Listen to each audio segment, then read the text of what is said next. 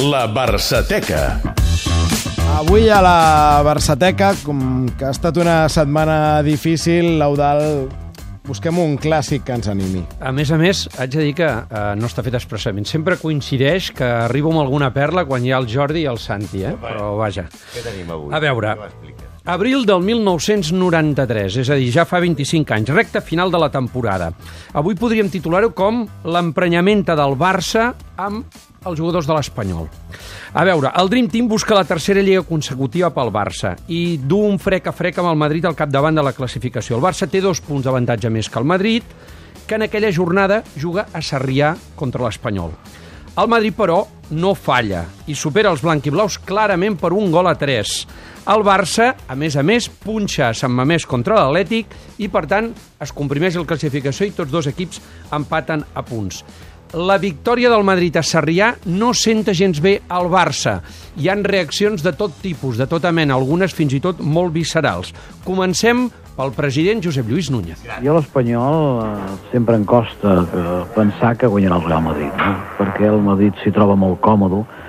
Vull dir, algun veí d'allà em va dir que semblava que marqués l'Espanyol cada vegada que marcava el Madrid i que ells estaven contents perquè semblava que havia marcat l'Espanyol. Però, bueno, això és així, és una realitat eh, i, bueno, tenim que acceptar-la, no? El Madrid, eh, al camp de l'Espanyol, eh, juga com si jugués a camp seu, no?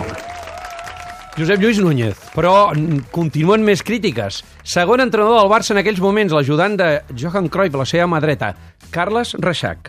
Sí, yo también pusimos un 2, ya te digo, aunque tenía ganas de, de ponerle un 1 y el día que estuve con Nahual dije a ver si, si haría alguna táctica así un poco revolucionaria y ganaba al español, aunque nos dio un favor, pero lo tenían difícil porque hay mucha gente, digamos, en el campo español, pues que cuando viene al Madrid eh, son del Madrid. Es una, parece que juegue, muchas veces parece que el Madrid juega en casa.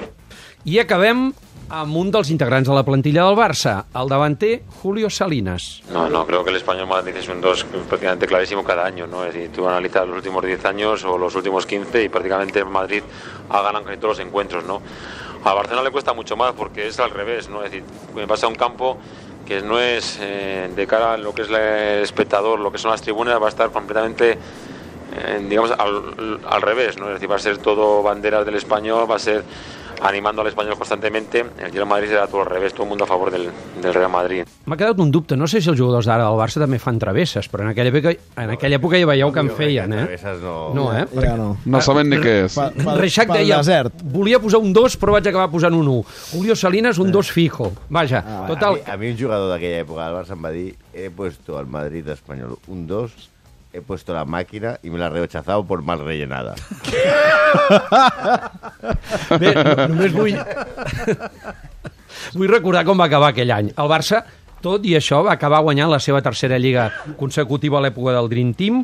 Va ser la segona de forma consecutiva que el Madrid va perdre a Tenerife i l'Espanyol, en canvi, va acabar baixant a segona divisió.